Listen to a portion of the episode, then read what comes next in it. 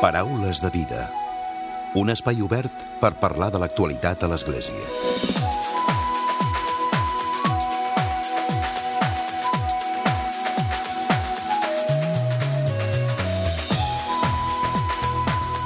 Què tal? Salutacions i molt bon dia, molt bon diumenge i molt bon Nadal. Avui volem parlar del tancament que un grup de persones, una vintena de persones aproximadament, ha fet a l'església de Santana de Barcelona al llarg d'aquesta última setmana. Amb aquesta acció torna a posar-se en el debat públic la situació de vulnerabilitat per la qual passen molts immigrants, moltes persones que venen aquí buscant una vida més digna. La situació és tan extrema que d'aquestes persones, algunes fins i tot han fet una vaga de fam. Volen visualitzar el seu drama, volen que les autoritats canviïn l'actual llei d'estrangeria. Com està a hores d'ara la situació? En parlem de seguida amb mossèn Peyo Sánchez, que és el rector de la parròquia de Santana, un temple que durant aquest últim any s'ha convertit en un refugi per moltes persones.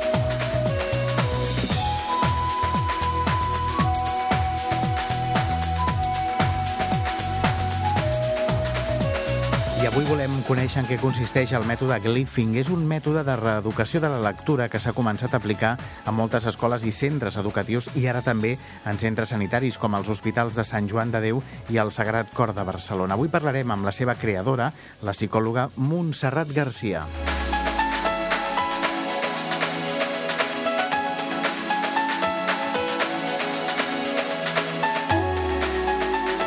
Com sempre, a la recta final del programa arribarà un nou comentari de l'actualitat de Francesc Romeu. Comencem. I saludem mossèn Peyo Sánchez. Molt bon dia i benvingut al Paraules de Vida. Bon dia i bon Nadal a tots.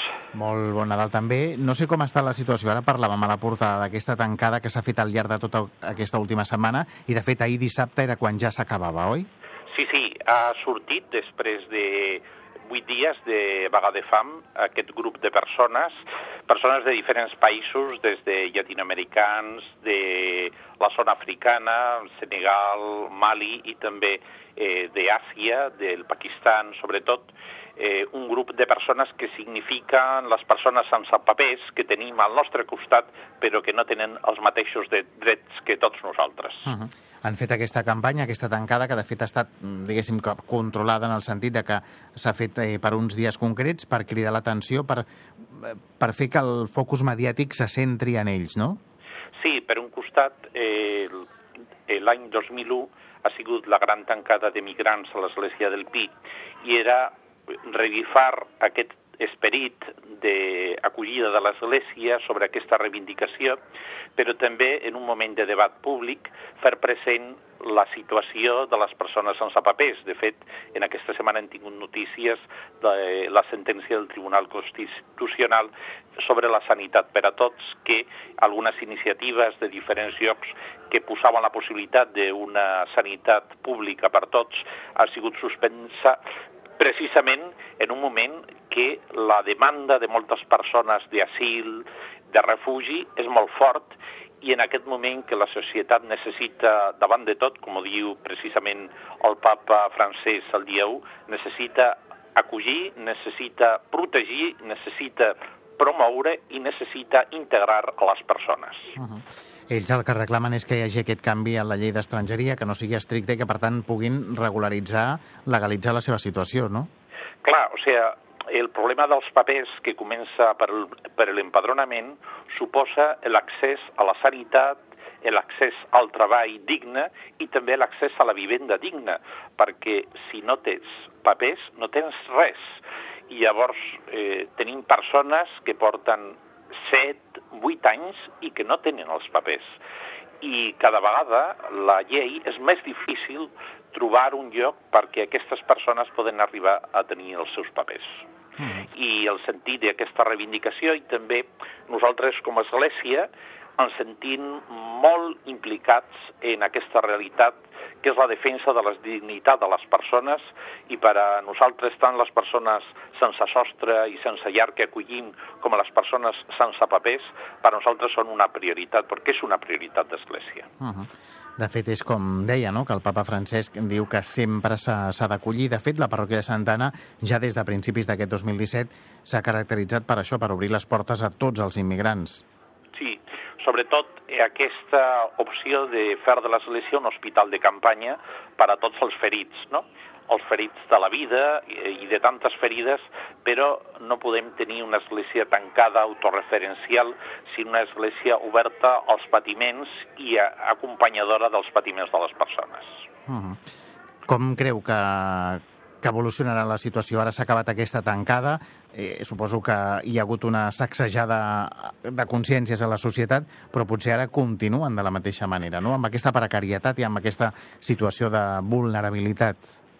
Sí, sí, o sigui, les expectatives són difícils perquè el tancament dels governs europeus a una normativa més oberta eh, té por d'un efecte crida, però és que nosaltres ens trobem en un efecte fugida.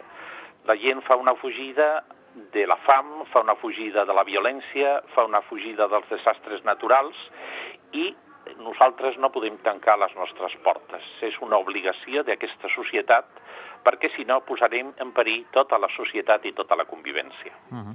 Crec que fins i tot heu tingut el suport d'entitats de, importants com Stop Mare Martum o Papers per Tothom. Sí, sí. De fet, eh, la, a part dels propis emigrants que han proposat la iniciativa, el suport ha sigut d'aquestes entitats. Uh -huh. Com s'ha viscut aquesta setmana? Bueno, en primer lloc, eh, sobretot el compromís eh, de, dintre de la societat civil i aquesta col·laboració de l'Església en els compromisos de la societat civil. I per una altra part també el sentir molt l'acollida i l'agraïment de les persones que si no no tenen veu i nosaltres som responsables de donar veu a tants que són invisibles i que no tenen veu a la nostra societat. Uh -huh. Què passarà a partir d'ara? Si ara ja s'ha acabat la, la tancada, tenen previst tornar a fer-ne una altra si la situació continua sent la mateixa? O sigui, sobretot ara hi ha uns contactes polítics perquè han vingut diputats dels parlaments i han tingut una sèrie de contactes, però la situació real i la possibilitat d'un canvi en aquest moment és difícil perquè no hi ha l'interès ni el desig ni l'opció política de fer un canvi d'aquesta circumstància. Uh -huh. Per tant, la situació és complicada, mossèn Peyo. Molt complicada. De fet, parlava abans dels tancaments del 2001, però ara tenim molta més gent en aquesta situació i molta més gent que demana arribar als nostres països, i això necessita una solució. És a dir, que ara la situació és més complicada que l'any 2001 quan va haver-hi la, la tancada de l'Església del Pi. Molt més complicada perquè també el moviment de eh, migracions en tot el món és molt més gran. Assistim a un moviment que no s'ha conegut sinó en circumstàncies bàliques. Uh -huh. I per tant, què és el que s'ha de fer? Perquè potser la gent, la percepció que té és que, que la situació està més controlada o que com a mínim no hi ha la, no, no hi ha la situació a la que ara ens referíem, la de l'any 2001, del 2001. Bé, perquè també part del problema està fora, perquè les portes estan tancades, i part del problema està amagat en una economia que és un treball amagat, que és una vivenda en males condicions amagada i amaguem situacions, però les situacions estan. A més, també, el problema de la vivenda complica molt més aquesta circumstància perquè a Barcelona el problema de la vivenda ha sigut molt més greu i en aquest moment és molt fort. Uh -huh. I què és el que s'haurà de fer? L'Església, de fet, continua tenint les portes obertes a tothom, no? Mossèn la nostra Església està oberta i la nostra Església està cridada a ser veu per als que no tenen veu. No? Això deia també Sant Romero d'Amèrica, que nosaltres som una veu que clama i que demana un canvi social. Uh -huh. De fet, la, la situació és complicada. No sé com, com pot evolucionar i si, de fet, la, la parròquia té les portes obertes cada dia, mmm, potser d'aquí a poc torna a haver-hi una altra tancada, una altra... Això és possible, sí, sí. I, per una altra part, també una cosa que eh, cada vegada és més fort és la presència de gent jove. O sigui, tenim ah. serveis socials, a les diferents institucions, una presència molt forta de joves que estan al carrer, que estan sense papers, que estan sense res. De fet, és el perfil també que aquests dies s'ha tancat a la parròquia? Sí, bé, el, el, el grup que s'ha tancat és un grup, eh, la, la meitat és jove i la, la meitat és més gran, però sí que marca, també per la nostra tasca d'acolliment de les persones del carrer, eh, tenim consciència de que cada vegada tenim més gent jove al carrer. Uh -huh. Com s'organitzaven durant aquesta setmana? De fet, allà eh, es veia a través dels mitjans de comunicació fotografies, eh, estaven prou organitzats, no?, dintre de la parròquia? sigui, a la sala capitular de la parròquia tenien un espai per descansar també i després tenien diferents activitats. Tenen una exposició que està posada i que ells també acompanyen a la gent que ve i després una sèrie d'activitats i de visites. Tenim cinefòrum, tenen també debats i bueno, ha sigut un moviment de moltes persones que han anat passant aquesta setmana passada en, a, a recolzar aquesta iniciativa. Podríem dir que era com un 15M però dins d'una parròquia, mossèn Peyo? Bueno, una cosa més senzilla, però sobretot és demanar que en aquest moment hem de fer un canvi social i que a vegades parlem de moltes urgències, però les urgències de la dignitat de les persones està a la primera. No? Nosaltres ara, per exemple, tenim una persona que aquesta nit de Nadal estava al carrer en una pneumonia i que havia sortit així de l'hospital. No? Pues, eh, això una societat no pot celebrar el Nadal i tenia la gent al carrer amb pneumonies. Això li anava a dir, perquè avui és diumenge, aquesta nit ja la nit de Nadal, demà és el dia de Nadal, potser que, que fem una mirada més solidària cap al que tenim al nostre voltant, no? Sí, sí, sí. Això, això és una urgència social perquè, si no, el missatge, el missatge de l'Evangeli està desdibuixat perquè no podem abandonar a les persones. Clar. Doncs suposo que, que aquest és el missatge més important també el, en el dia d'avui, no? en, aquesta, en aquesta nit de Nadal, per tal de que tothom doncs, activem la nostra solidaritat i no sigui només ara, sinó que sigui al llarg dels 365 dies de l'any, oi? Sobretot també totes les persones que tenim la sort de tenir companyia i cali humà, que això ens doni força per sortir als altres i per acollir a les persones que no tenen aquesta possibilitat. Mossèn Peyo Sánchez, rector de la parròquia de Santana de Barcelona. Gràcies i bon Nadal. Moltes gràcies a vosaltres i bon Nadal, però amb les mans obertes i el cor també disposat a ajudar. Paraules de vida, l'Església dia a dia. Com dèiem a l'inici del programa, ara parlem amb la Montserrat Garcia. Ella és psicòloga i és creadora del mètode Glyphing. Montserrat, bon dia. Hola, molt bon dia. Què és això del mètode Glyphing? Doncs és un mètode que es va mm, crear per poder ajudar els nens que tenen dificultats per aprendre a llegir doncs, que ho fessin en un format de joc perquè els hi fos més senzill i perquè fos personalitzat. Uh -huh. perquè cada nen pogués treballar eh, al, al ritme i al nivell de les seves necessitats i de la seva evolució.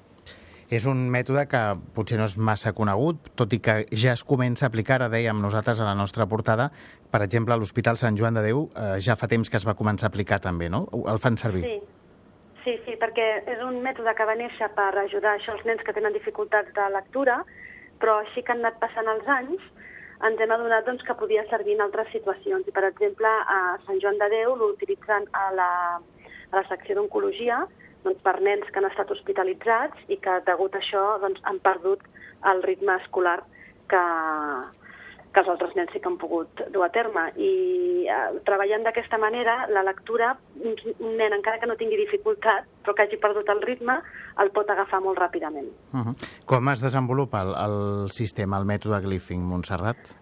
Doncs és, eh, és, un, és en format joc. Llavors nosaltres parlem de sessions de treball, hi ha unes sessions que són molt curtetes, vol dir que es poden fer amb entre 10 i 20 minuts de dedicació diària i que com que es fa a través de l'ordinador doncs es pot jugar a qualsevol lloc on hi hagi internet. Doncs pots jugar a l'escola, pots jugar a casa, pots jugar durant les vacances, al cap de setmana, durant la setmana, quan es vulgui. I són això, són sessions que són un form, en format joc. Per tant, són una sèrie de pantalles que el nen ha de llegir, però ha de llegir sempre amb aquest entorn lúdic i, i adaptat. Uh -huh. Com se't va ocórrer crear aquest mètode? Tu ets psicòloga, oi? Però és la necessitat que, que fa venir les idees. Eh, jo tinc tres fills i el meu fill petit doncs, tenia, era el dislèxic de la família, tenia dificultats d'aprenentatge de lectura i el Glyphing doncs, el vam fer amb un, uh, vam fer un primer prototip després d'un estudi, d'una recerca que mm, vaig fer amb, amb un equip de treball de la Facultat de Psicologia de la Universitat de Barcelona i, i vam fer un prototip pel Mario, pel meu fill. I doncs al Mario li va anar molt bé, va millorar moltíssim la lectura i després van fer una recerca més eh, experimental, treballant amb nens de, de diferents edats i de diferents escoles, nens amb dificultats de lectura, i varen veure que tots ells milloraven eh, molt més ràpid que amb els processos eh, més tradicionals.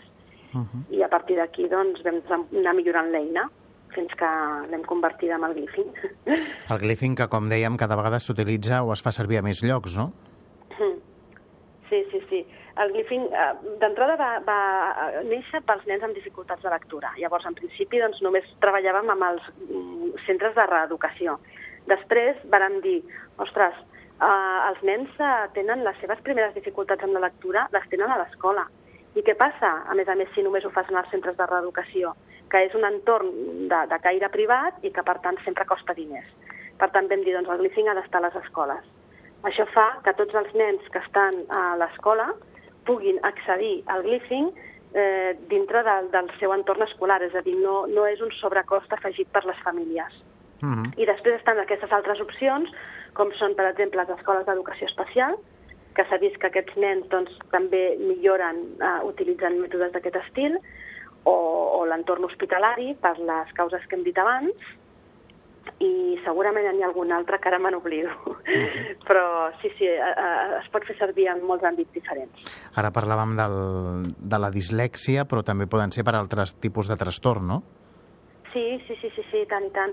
bueno, mira, tenim mm, dislèxics i tenim dislèxics de totes les edats. És a dir, pots continuar treballant fins eh, sempre, o sigui, mentre estàs viu i esperança. Uh -huh. És a dir, tenim persones adultes que han descobert que són dislèxiques ara, ara de grans, no? a, a vegades a través del diagnòstic dels fills, perquè això és, és hereditari, és genètic, i, i s'estan entrenant. O, per exemple, un, un altre cas, hem començat a treballar amb Colòmbia, eh, ara fa molt poquet, i a Colòmbia ens explicaven que tenen un 30% de la població que s'està reinsertant a la societat, no? que està baixant de les muntanyes, doncs exguerrilleros i, i coses d'aquest estil, que, que, que no han tingut possibilitat d'anar a l'escola.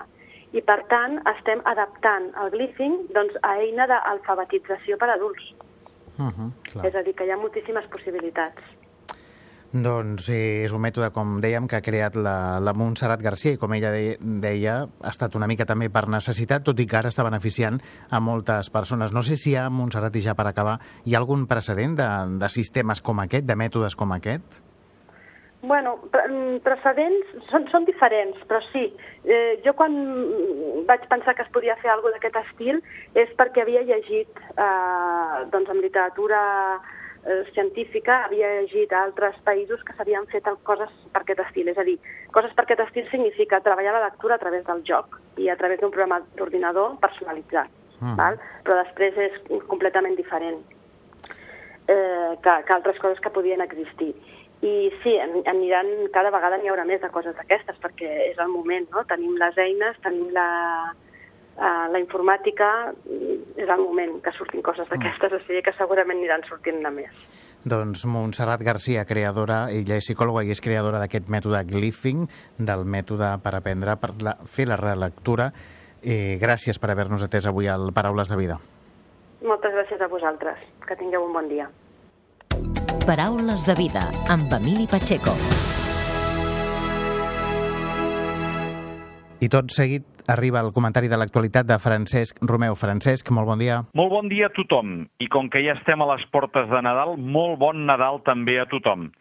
Voldria aturar-me en aquelles primeres paraules d'aquell àngel anònim en fer seu a l'anunci als pastors, la nit de Nadal. Ens ho descriu molt bé l'evangelista Sant Lluc i aquest vespre també les tornarem a escoltar de nou. No tingueu por. Us ho confesso, jo sóc dels qui tenen por de Nadal. Pateixo amb aquells que per molts motius avui ja voldrien que fos el dilluns 8 de gener. Gent que troba a faltar persones estimades, gent que viurà profundament una solitud no desitjada, gent que té por de desavinences familiars i no pas per política com ens fan creure.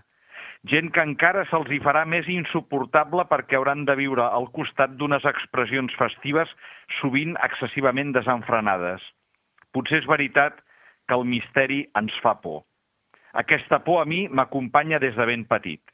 Tinc por que qualsevol cosa es trenqui per Nadal o que la realitat es compliqui. De fet, així va ser aquell primer Nadal per la realitat política i per la realitat social, per un cens molt complicat i per un hostal amb el cartell de complet. Mirem-nos la realitat personal d'uns pares superats per uns esdeveniments que ells no marquen ni controlen, per una realitat econòmica que se'ns descriu que era d'una pobresa absoluta, i enmig de tot això, la fragilitat d'un infant nounat. Crec fermament que Déu ha vingut al món, però també veig com n'està desbarada la realitat des de que ha vingut Jesús. El missatge de pau del Nadal és tan feble com ho és aquell infant de l'establia. Déu ve i les forces del mal, del mal es desfermen i s'esveren. No hi ha contenció pel mal. Les complicacions segueixen ben presents en les nostres vides, malgrat que diguem que ens ha nascut un Salvador. Ho descrivia molt bé el nostre gran escriptor Josep Maria Folch i Torres, amb l'obra de teatre més representada en els nostres pobles, els pastorets, dels quals l'any passat en vam celebrar el seu centenari. El nostre món s'assembla molt a aquell bosc tenebrós on el pobre Lluquet i en Rovelló, l'un més atrevit i l'altre més poruc, hauran de lluitar contra les forces de Satanàs i de Lucifer si volen acostar-se a l'escenari on hi ha l'infant Jesús. Quan era petit, jo era dels qui tenien autèntic pànic d'aquelles calderes d'en Pere Botero, la teoria d'aquesta obra era molt clara. Que Déu vingui al món no ens estalvia gens del rebombori de les forces infernals del mal. Amb la vinguda de Jesús, bona i positiva, també s'han obert les portes de l'infern i han quedat descontrolades les seves fúries més malignes. Tots ho sabem, la bondat en el nostre món és molt molesta i incòmoda. Hi ha qui no tolera que hi hagi bondat, i menys al seu voltant aquella desfilada de les fúries infernals que ens proposava Folk i Torres era com un examen de consciència davant de la tropa dels set pecats capitals. La supèrbia, la ira, la luxúria, la lugolosia, l'enveja, l'avarícia i la paresa, als quals encara s'hi afegien dos fogoners. El mal, presentat així, semblava molt més vistós que els exèrcits celestials cantant el Glòria a Déu a dalt del cel i pau a la terra als homes que estima el Senyor. A mi, aquests dimonis em feien molta por. Amb el pas dels anys, reconec i valoro molt l'obra del gran i el gran encert de Folk i Torres. Ell, hereu de les representacions medievals, dels retaules del naixement del Masies del segle XVI i dels autos sacramentals que es feien a les façanes de les esglésies, va saber com ningú adaptar l'Evangeli a la cultura popular del seu temps, a través de dos grans mitjans de comunicació d'aleshores, amb el teatre i les rondalles. Una cosa que havia fet sempre l'Església. En canvi, hem de reconèixer que després ja no ho hem sabut fer ni tant ni amb els diaris, ni amb la ràdio, ni amb la televisió, ni amb la, ara amb les xarxes socials. Potser una mica, encara que no del tot, això és el que està aconseguint el papa francès quan veiem que arriba amb tanta facilitat a una cultura popular i a una gent senzilla, i que no necessita de cap mena d'intermediaris per interpretar el seu missatge. Amb tot, Folk i Torres no ens tancava pas en un pati de butaques deixant-nos a tots atemorits per les forces del mal, sinó que en un moment de l'escena sabia obrir el decorat i fer-hi entrar no un simple àngel, sinó tot un arcàngel, Sant Miquel, que és el que ens obria una porta a la pau i la tranquil·litat originària del Nadal. Molt bon diumenge a tothom.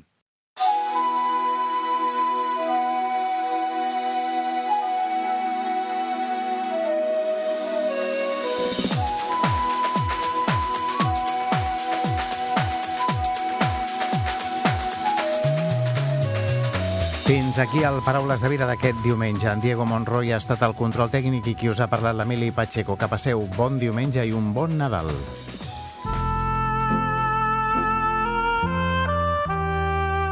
Us oferim la carta dominical de l'arcabisbe de Barcelona, Joan Josep Omella.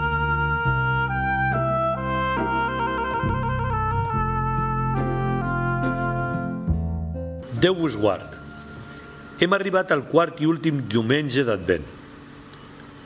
Es dona la coincidència que avui acaba el temps litúrgic d'Advent i a partir d'aquesta tarda, amb les primeres vespres, iniciem el temps de Nadal amb la celebració de la solemnitat del naixement del Senyor. Us convido a contemplar el misteri de Nadal com a expressió d'humilitat de Déu. Són molt nombrosos els sants i les santes que ens conviden a viure el goig de Nadal des de la perspectiva de la humilitat. Pot ser el més emblemàtic i popular és Sant Francesc d'Assís. Així ens ho recorda el papa Benet XVI quan reconeix que el particular i intens clima espiritual que envolta el Nadal es va desenvolupar a l'edat mitjana gràcies a Sant Francesc d'Assís que estava profundament enamorat de l'home Jesús del Déu amb nosaltres, deia el papa en una audiència general dels dimecres. S'explica que l'any 1223, mentre transitava per la petita població de Rieti, el Nadal el va sorprendre a l'ermita de Greccio i fou allí on va tenir la inspiració de reproduir en viu el naixement de Jesús, una tradició preciosa que hem de conservar. Animo les famílies a col·locar el pesebre a casa seva, que la contemplació del naixement, com a Sant Francesc, ens faci créixer el desig d'experimentar de forma concreta, viva i actual la humil grandesa de l'esdeveniment del naixement del nen Jesús i el desig de comunicar la seva alegria a tots. Penso també en Santa Tereseta de Lisieux, que com a religiosa carmelita descalça va prendre el nom de Teresa de l'infant Jesús i de la Santa Fas, unint en el nom la humilitat de Jesús, infant, i la tremenda humiliació del Déu home a la passió. Ella, que és també doctora de l'Església, va saber viure i donar testimoni d'allò que anomenava el seu camí, la infància espiritual, que s'aprèn meditant el misteri de Nadal en el qual Déu per nosaltres es va fer petit i fràgil. Això és un gran misteri, va dir el papa francès del Nadal de l'any 2015. Déu és humil. Nosaltres, que som orgullosos, estem plens de vanitat i ens considerem grans i no som res. Ell és gran, és humil i es fa nen. Això és un veritable misteri. Déu és humil. Això és bonic. Fins aquí les paraules del papa. En el temps nadalenc recordem especialment la seva infància, un en Déu que vol captivar la nostra atenció i els nostres cors. Aquests dies de Nadal regalem-nos temps per contemplar aquest Déu que s'ha fet nen per acostar-se totalment a nosaltres. Aquest nen Déu que ens impulsa a acollir les necessitats dels que ens volten. En aquest sentit, dono gràcies a Déu per poder contemplar Barcelona amb una obra diocesana centenària a favor dels nens malalts o discapacitats que precisament porta el nom del Nen Déu, la Fundació Nen Déu. Deia el papa Francesc en la locució que he citat, és un bon costum que tenen els pares i avis mirar els nens, mirar el que fan, mirar-los a ells. Així descobrim sobretot que els nens requereixen la nostra atenció ells han de ser al centre.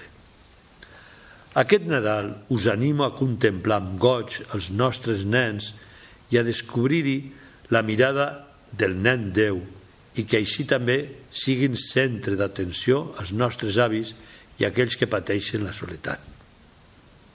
Us desitjo a tots un sant i bon Nadal. Que Déu us concedeixi la seva pau. Us hem ofert la carta dominical de l'arcabisbe de Barcelona, Joan Josep Omella.